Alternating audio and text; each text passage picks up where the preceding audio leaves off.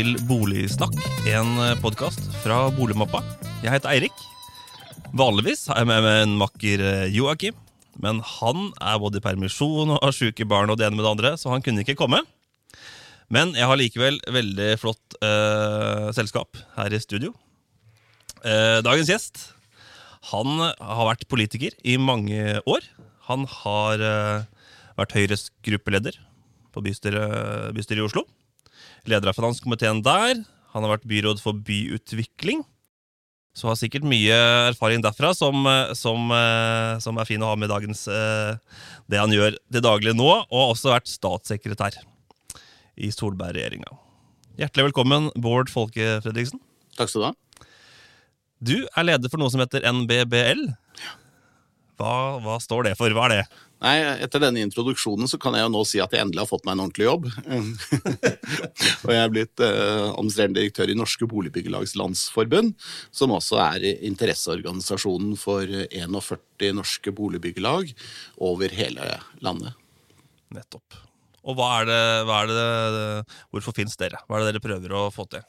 Nei, vi tror jo på den modellen hvor også folk selv kan være med på å eie de organisasjonene som bygger egne boliger. Og boligbyggelagene har jo holdt på nå i 80 år og bygget eh, om, lag 300 000 boliger i, i, Norge. Og forvalter i dag faktisk det dobbelte av det i tillegg, nesten 600 000 boliger eh, totalt.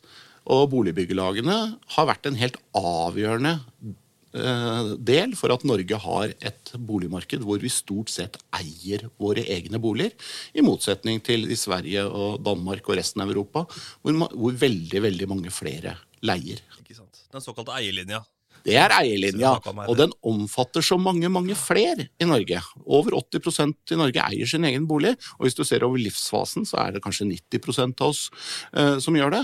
Men dette er også tror jeg, en viktig verdi å forsvare i våre dager. For vi ser nå at de høye boligprisene, eh, utlånsreguleringene fra myndighetene og den lave boligbyggingen faktisk er med på å true eierlinja. Og særlig blant de som har dårligst råd, så går andelen av de som eier egen bolig, ned. Ikke sant. Som er vel litt bakgrunnen for denne kåringen, som vi skal, snart skal snakke litt mer om. Eh, men litt tilbake til boligbyggelagene. Eh, historisk har de spilt en viktig rolle etter krigen? Fortell litt om det. Veldig. Altså, Norge hadde jo en reell bolignød etter krigen. For det første bodde mange trangt og dårlig før krigen. Ja. Og under krigen ble det jo ikke bygget boliger i det hele tatt. Så da freden kom, så var det reell bolignød. Man bodde trangt og dårlig, som sagt, men man hadde også altfor få boliger til folk.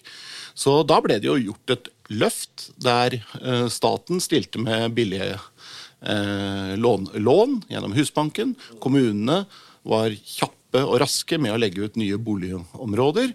Og boligbyggelagene og andre utbyggere bygget boliger for å få dampen opp. Og det klarte man jo eh, på en meget vellykket måte. Men det som er det unike med Norge i forhold til mange andre land, er jo at man ikke kastet seg på en utleiebølge, eller en kommunal utleiebølge, men man fikk folk med seg på å spare til egen bolig, og spare i egen bolig. Og dermed også ble eier av dem. Og Det er en av grunnene til at Norge har mye mindre formuesforskjeller mellom folk her til lands enn du har i land med mange leietagere. Nettopp det at alle er med på å spare. Bare en liten morsom kuriositet. S-en i Obos, den står for spare. Så tanken med boligbyggelagene var jo både at folk skulle gå sammen og danne disse organisasjonene. Spare, for det var også rasjonering på kapital, ikke bare på materialer og, og tomter. Men at man skulle gå sammen om å spare, og sette da disse organisasjonene i stand til å bygge boliger og forvalte boligene folk selv eide eh, gjennom livet. Og jeg tror også den profesjonelle forvaltningen som boligbyggelagene står for, har bidratt til at vi har kanskje verdens mest velholdte boligmasse også. Ikke sant, Fordi folk har såpass sterkt eierskap? Til Folk der selv har et sterkt eierskap, men de får også eh, borettslagsstyret eller sameiestyret får også hjelp, teknisk rådgivning, tilstandsvurderinger og vedlikeholdsplaner løpende, slik at man vet når man må bytte vinduer, dører og oppgradere rør. Det er ikke så lett å vite når man eh, ikke er faglært selv, eh, i, og, men er boligeier. Ikke sant. Godt poeng. Og godt argument for å være bo i eh, borettslag eller i et sameie eller Ja, borettslagsloven er en meget uh, godt egnet lov for å, uh, for å regulere det at vi eier noe uh, sammen. I dag er jo også forskjellene mellom det å bo i en eierseksjonsbolig og et borettslag veldig, veldig små. Lov, lovgrunnlaget har vært oppdatert flere ganger. Eh, Men en av de tingene vi ser, er jo at i borettslag så slipper man hyblifisering. Man slipper at eh, oppgangen virker som et hotell. eh, Fordi det er regler for hvor, hvor mange andeler man kan eie. Så borettslagslovgivningen er en veldig god måte både at, å spre eierskap på, sørge for at boligene blir vedlikeholdt, og at det er gode og stabile bomiljøer rundt de boligene folk eier. Ikke sant. Nettopp. Så historisk har jo boligbyggelagene åpenbart vært eh, viktige for å bygge landet etter krigen. Eh, Vi var et relativt fattig land. Det er vi ikke lenger. Folk har eh, mye bedre råd i dag. Folk bor bedre og bedre. Har boligbyggelagene en like naturlig plass i dag, i dagens bo, boligmarked? Selvfølgelig. Boligbyggelagene forvalter jo mer enn hver femte bolig for folk.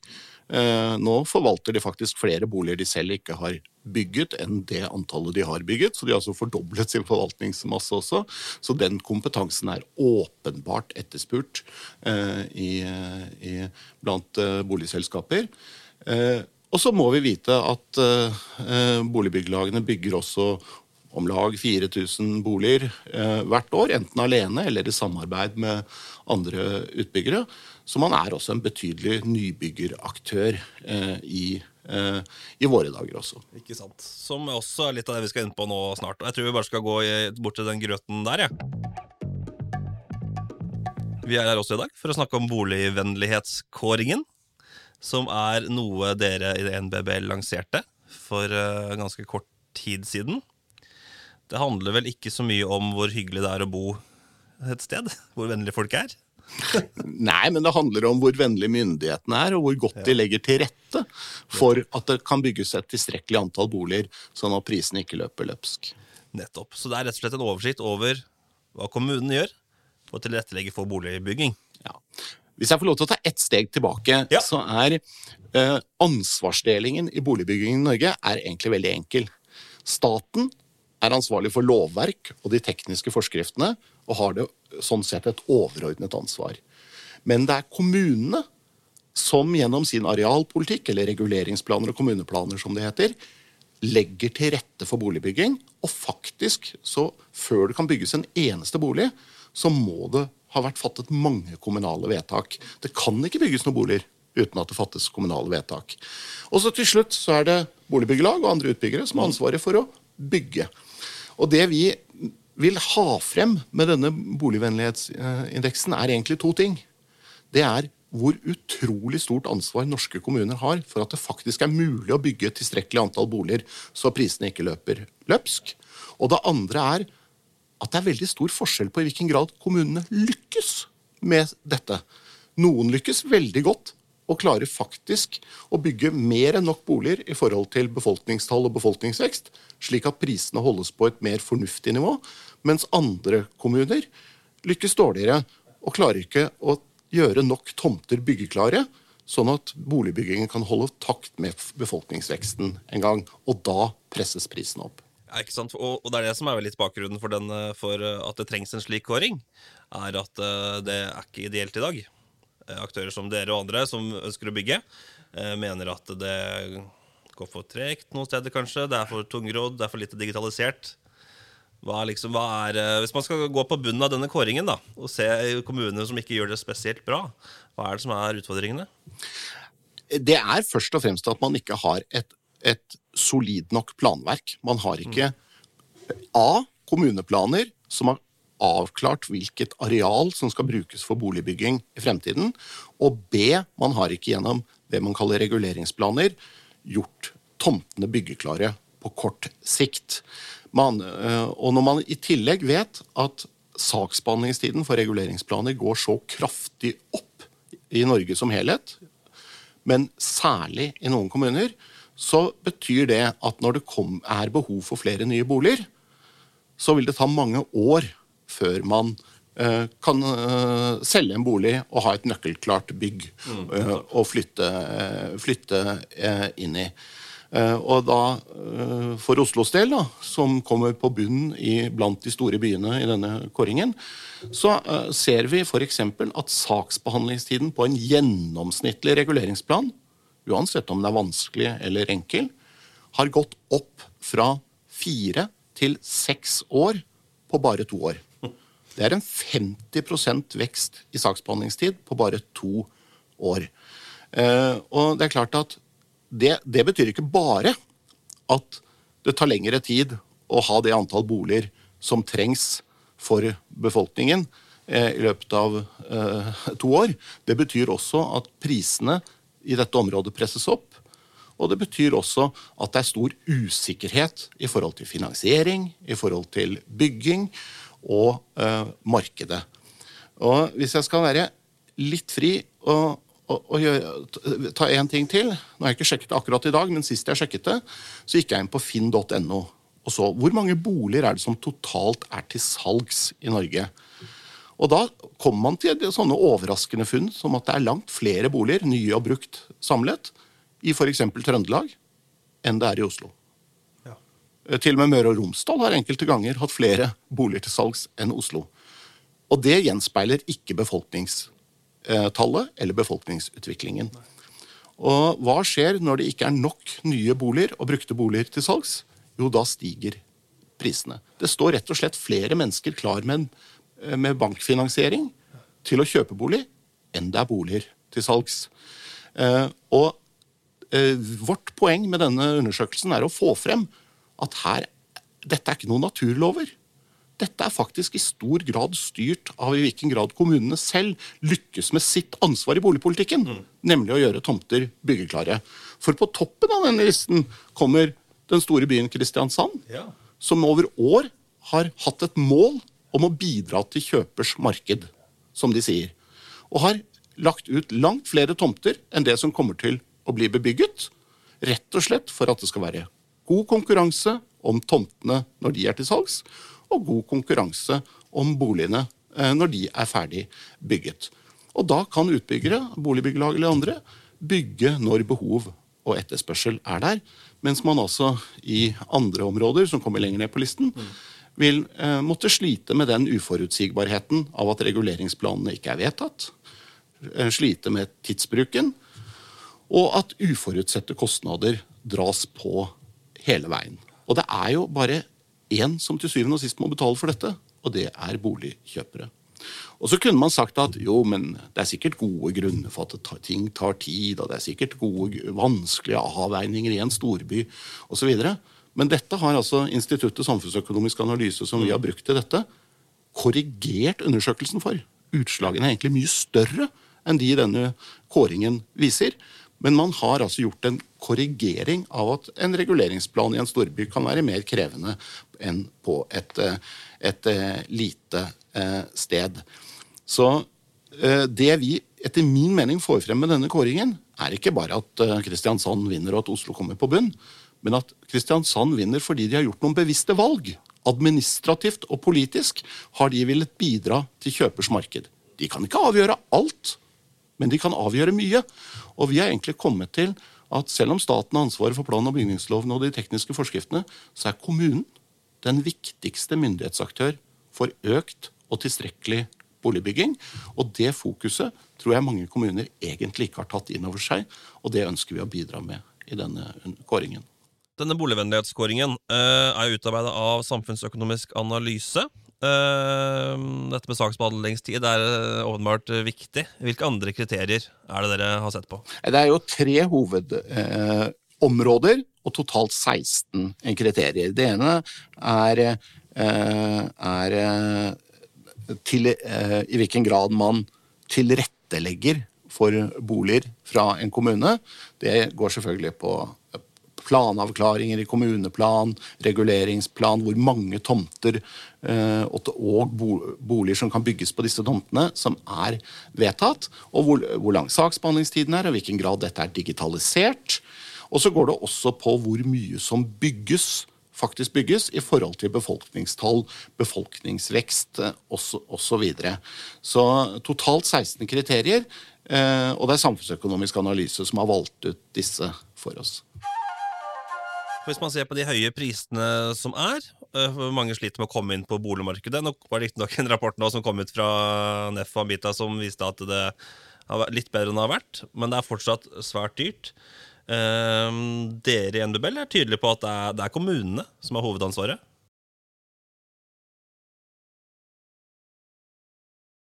Klart, En periode med lave renter, ja nullrenter i realiteten, sånn som det har vært nå, gjør jo at mange drar til i budrundene. Eh, eh, nå vi også, er vi inne i en periode hvor, hvor, leveringsindustrien sliter med materialkostnader, enten det er sement osv., og, så videre, og har problemer med å levere. Klart, klart, det bidrar også til prispress, og vår og kjøpekraft bidrar også til at prisene går opp. Men det vi ønsker å, å, å, tydeliggjøre her, er at i all, alle økonomiske spørsmål så er det en tilbudsside og en etterspørselsside. Og på alle andre områder i samfunnet så er vi opptatt av at tilbudssiden må kunne levere. Men av en eller annen grunn så har man i norsk boligpolitikk vært veldig lite opptatt av det. Eh, og det, eh, det ansvaret ligger faktisk eh, i veldig stor grad på kommunene, fordi de har monopol på å klargjøre en tomt for bygging. Og mitt spørsmål er hvorfor kan ikke flere kommuner gjøre som Kristiansand? Rett og slett fatte et overordnet vedtak av administrasjonen, planavdelingen og politikerne skal bidra så langt de klarer innenfor sitt ansvarsområde til at det blir kjøpers marked. Kristiansand trekkes jo ofte frem i denne type sammenhenger som på en måte eh, benchmarker på hvordan eh, Ja, men det interessante er at nå har vi hatt to store undersøkelser fra NBBL. Det ene var det NMBU som gjorde for oss, som så på hvor førstegangskjøperne har enklest tilgang til boligmarkedet. Og nå har vi da på boligvennlighet. Og begge stedene, så med forskjellige faglige tilnærming, kommer de til det samme resultatet, nemlig at Kristiansand har lykkes. Eh, faktisk er det sånn at i Kristiansand, til tross for boligprisvekst, kan i dag en gjennomsnittlig førstegangskjøper lettere få tak i en bolig mm. enn de kunne for ti år siden. Eh, så det er tilbudssiden som har respondert på etterspørselen. Mens i Oslo og mange andre pressområder så ser vi nå at det er færre og færre boliger som en førstegangskjøper har råd til eh, for den kjøpekraften de, de besitter. Eh, og så er, så er, det hyggelige tall Ambita og, og, og, NEF har bidratt med. Det er jo ingenting som er bedre enn at man kommer inn, men vi ser jo at de har kommet inn på et veldig veldig høyt kostnadsnivå. Og nå forventer vi en renteøkning. Vi vet at det blir dyrere å bo pga. en del innsatsfaktorer. Strømpriser eh, osv. For å ikke snakke om det etterslepet norske boligeiere er nødt til å finansiere når det gjelder vann og avløp osv. Så, videre. så eh, jeg tror det er veldig viktig at eh, alle myndigheter, det gjelder staten og eh, også, men også kommunene og vi som boligbyggere, gjør det vi kan for at vi kan ivareta den norske eierlinjen og det vi er så stolte av, nemlig at nesten alle har mulighet til å spare og bo i et eget hjem, fordi det skaper trygghet og stabilitet og en uavhengighet vi nordmenn er glad i. Ikke sant. Og ikke minst en utjevnende faktor, som ja, vi var innom i stad. Men det er klart at for de som da ikke kommer inn, så blir det jo en svært u... Ja. Akkurat. Og det er et veldig godt poeng. fordi så sent som i 2018 så gjorde SSB en studie av akkurat dette, hvor de slår fast at den norske eierlinjen har bidratt til mindre formuesforskjeller mellom folk. Jeg, men jeg er redd for at nå står vi litt ved et sånn tipping point. Hvis det blir så dyrt at mange ikke har råd til å komme inn, og vi vet jo hvem det gjelder, uh, uh, og vi har boliglånsforskrifter som gjør at man må ha veldig høy egenkapital for å komme inn, så vil det kunne være motsatt. At hvis boligprisveksten fortsetter, så kan også forskjellene øke. Og det vi er så stolt av med den norske boligmodellen, blir noe visket uh, ut. Så egentlig, i en sånn, jeg hører debatter om tredje boligsektor og flere utleieboliger og, og sånne ting. Sikkert vel ment, men hvis det er mindre forskjeller mellom folk vi ønsker oss, så er det jo å se på hva skal til for at flere kommer inn i hovedmodellen, slik vi har lykkes så veldig godt med de siste 80 årene.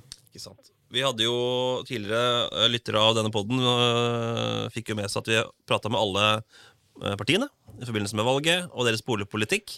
Tredje boligsektor var jo mye nevnt, og begge sider, egentlig. Vet man for, for eller imot. Og de som er imot, de sier på en måte at det blir ikke noen flere boliger av den grunn. Og det er det som er hoved utfordringen. Det er ja. tilbudssida. Ja, øh, og, jeg har lyst til å børste litt sånn støv av et gammelt, litt forslitt uttrykk, og det heter boligforsyning. Hvis man går tilbake til de politiske debattene om bolig etter krigen, så er det ikke en tilfeldighet at vi har havnet der hvor over 80% kan eie sin egen bolig i Norge. Det er, et, det er, bevisste politiske valg som er gjort med en klar ansvarsfordeling mellom stat, kommune og utbyggere. Og jeg kan tenke meg at vi bør børste støv av begrepet boligforsyning. fordi at skal vi klare å bosette folk like bra i fremtiden som vi har gjort nå, skal folk ha mulighet til å eie sin egen bolig, og skal vi også kunne takle den befolkningsveksten vi har hatt de siste årene, så må vi faktisk forsyne eh, boligmarkedet med flere boliger. Eh, og det vil være en faktor som i hvert fall gjør at det blir litt mindre temperatur i budrundene, også i bruktmarkedet eh, fremover. Nettopp. Uh, vi må litt tilbake til lista. Topp og bunn. Uh, på bunn var som nevnt uh, Oslo. Det var innom fire til seks år behandlingstid. nå er jo ikke Oslo kommune her. men Raymond Johansen, byrådsleder i Oslo, var ute i fjor i Aftenposten og sa at bildet er jo ikke så enkelt. Utbyggere er overhodet ikke interessert i å bygge så mye at prisene synker. Han sier at utbyggerne i store prosjekter bygger trinnvis og holder igjen boliger i et område frem til de første er ferdigsolgt. Er det noe sannhet i dette også? Jeg tror vi må litt ut av sånn skyttergravskrig hvor vi skylder på hverandre. Eh, vi i MBBL har vært litt opptatt av eh, at eh, vi bør få et form for trepartssamarbeid mm. også når det gjelder boligbygging. I arbeidslivet er vi stolt av og er kjent med trepartssamarbeidet. Og jeg kunne tenke meg at vi fikk et tydeligere trepartssamarbeid også i boligpolitikken. Eh, der staten, som har ansvaret for lovverk og de tekniske forskrifter, f.eks. For forenkler dette noe og gjør det eh, har litt færre krav knyttet til det å bygge nye boliger, slik at man faktisk kan få levert flere boliger til en rimeligere pris. Og så må kommunene gjøre en ekstraordinær innsats for å gjøre flere tomter byggeklare. For som sagt, det kan ikke bygges noen bolig med mindre du har en byggeklar tomt og attpåtil får en, eh, en byggesaksbehandling også godkjent. Og så må vi som utbyggere faktisk bygge raskere. Men eh, til det sitatet så har jeg lyst til å si at jeg tror mange tror at boligbygging er totalt uten risiko og totalt uten eh, eh, investeringer. Eh, det er de altså ikke. Eh, ikke bare koster tidsbruken mye, men selve prosessen med å bygge koster mye, og det er en risiko ved det. Eh, men jeg vet jo at mange boligbyggere gjerne skulle bygget i flere boliger av gangen i flere byggetrinn hvis de hadde hatt en raskere avklaring på de tingene. Og Vi i MBBL driver jo også et, en forsikringsordning for boligbyggere. Og vi ser jo at har man en risikosikring på, på, prosjektene sine, så bygger man gjerne to trinn eh, i, i ett. Så jeg tror det er mulig å gjøre en ekstraordinær innsats, og jeg tror vi kan tjene mye på å komme bort fra en sånn skyttergravskrig hvor vi eh, bare klager eh, på andre. Og Kristiansand viser kanskje også på en måte at det motsatte er tilfellet. At uh, utbyggere vil bygge selv om prisen bare ikke øker og øker. Ja, og Så må vi jo huske at eh, prisnivået i Kristiansand er et annet et enn i Oslo, og likevel bygger utbyggerne flere boliger i forhold til befolkningstall og befolkningsvekst enn i Oslo og andre pressområder. Eh, men nå er det jo viktig da, å legge til at nå blir det litt mye snakk om Oslo og Kristiansand her, men Norge er ikke ett boligmarked. Det er mange forskjellige boligmarkeder, og i pressområdene opplever vi at det bygges for lite i forhold til befolkningsutviklingen, slik at pres prisene presses oppover. Mange andre steder i Norge hvor det er behov for nye og mer moderne boliger, så sliter man med å få bygget fordi byggekostnadene er høyere enn det du kan veksle inn din eksisterende bolig for. Og Dermed så får man også ofte, mange steder i Norge en galt sammensatt boligmasse. Så staten kunne bidratt veldig hvis de f.eks. hadde forenklet lov- og forskriftsverk. Og jeg har også tatt til orde for at staten bør ta ett stort ansvar som kunne hjulpet både utbyggere, Eh, og kommuner, og ikke minst boligsøkere. Og det er å digitalisere hele planprosessen, slik de har gjort for, i stor grad for byggesak. Men også se hvor fantastisk de har fått det til for skatt. Eh, det, og nå tenker jeg ikke bare på elektronisk selvangivelse, eh, men, jeg, men alt som har med skatt å gjøre, er jo digitalisert. Og det minner egentlig litt om det vi står overfor når det gjelder reguleringsplaner også. Fordi den gangen den digitaliseringen kom, så var det jo ikke sånn at det bare var statlige etater som var inne i bildet. Det var jo, øh, var jo to i all hovedsak to statlige etater, men også 360 kommunale eh, kemnerkontorer. Mm. Så man fikk til en heldigitalisering av en sektor, og det er fullt mulig å gjøre det samme for eh, norske reguleringsplaner. Eh, og det vil være et kjempeløft som reduserer saksbehandlingstid for norske kommuner, frigjør ressurser og selvfølgelig for eh, boligkjøpere og boligutbyggere, eh, som også vil være tjent med en digitalisering. Og jeg ser egentlig ingen annen grunn til at ingen har bare bestemt seg for å gjøre det. Nei. Og man har jo e-tinglysing, man har digitale eiendomsdata. man eh, kan jo nå, Det er jo digitale tomtesøkverktøy som finnes der ute. Det er klart at det, det er mulig. For å være helt ærlig, nesten hele reguleringsplanprosessen er jo digitalisert. Det eneste som mangler, er, er portalen eh, topphatten på dette systemet. Og det kunne vært felles for alle norske eh, kommuner. Og så kunne hver enkelt kommune eh, eh, selvfølgelig gjort det de skal innenfor sitt kommunale selvstyre. Bestemme hva areal brukes til, hvilken utnyttelsesgrad de har, tilkobling til samferdsel, vei, vann, kloakk osv. Alt som ligger i arealpolitikken. Så eh, jeg ser egentlig ingen annen grunn til at dette området ikke er digitalisert, enn at man ikke har satt i gang eh, storskalaprosjektet. Og Det er ganske interessant med parallellen til skattevesenet. For det, det, sies jo at det var noe som skjedde fordi eh, tre statlige direktører i de avgjørende verkene eller etatene rett og slett møttes og fant ut at dette måtte de bare gjøre. Veldig bra. Eh, på tampen her, eh, noe det også snakkes mye om nå, eh, er eh, eplehageutbygginga. Jeg har en kollega som har nå kjøpt eh, ett av fire eller fem eh, eneboliger oppe i hagen til enke Hansen på Nordstrand. Eh, der foreslås det jo nå endringer. Kritikken har jo handla om at det bygges for mye, for tett, uten hensyn til områdene rundt. Og byrådet har bestilt en, og foreslår en strengere småhusplan. Hva tenker dere om det? Eh, MBBL har ikke noen uh, synspunkter eh, på det. Boligbyggelagene er ikke blant de som kjøper villatomter for å, for å fortette. Men jeg, men jeg, tror nok jeg vil gi det råd at planer bør være tydelige. både på hvor mye som skal bygges, og, og, hva som skal bygges. høyder og volumer. Og så er det ganske viktig at det er en viss forutsigbarhet. Problemet med planer er når de endres hvert eh, femte, sjette, ja tiende, tiende år. Ønsker man en langsiktig og forsvarlig utvikling av bomiljøer, og herunder også bolig, muligheten for boligbygging, så må man stå ved planene sine over noen år. Og eh, Det tror jeg nok er et, er et, generelt råd jeg gir til alle, uavhengig om det er småhusområder i Oslo eller nye utbyggingsområder i Trondheim eller, eller hvor det er.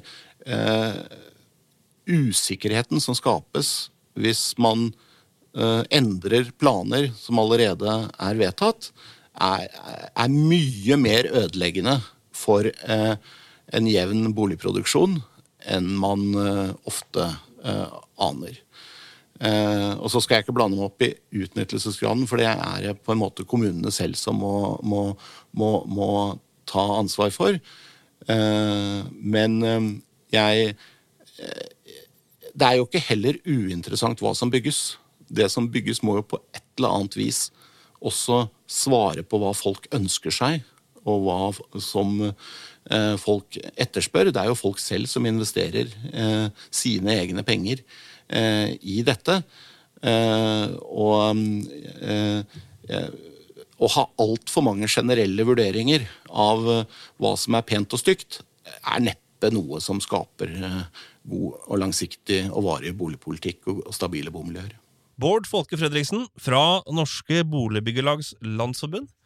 Tusen takk for at du kom. Da er vi litt klokere om hva dere i NBBL driver med, om boligvennlighetskåringen. Du har hørt på Boligsnakk. Vi høres neste gang. Ha det!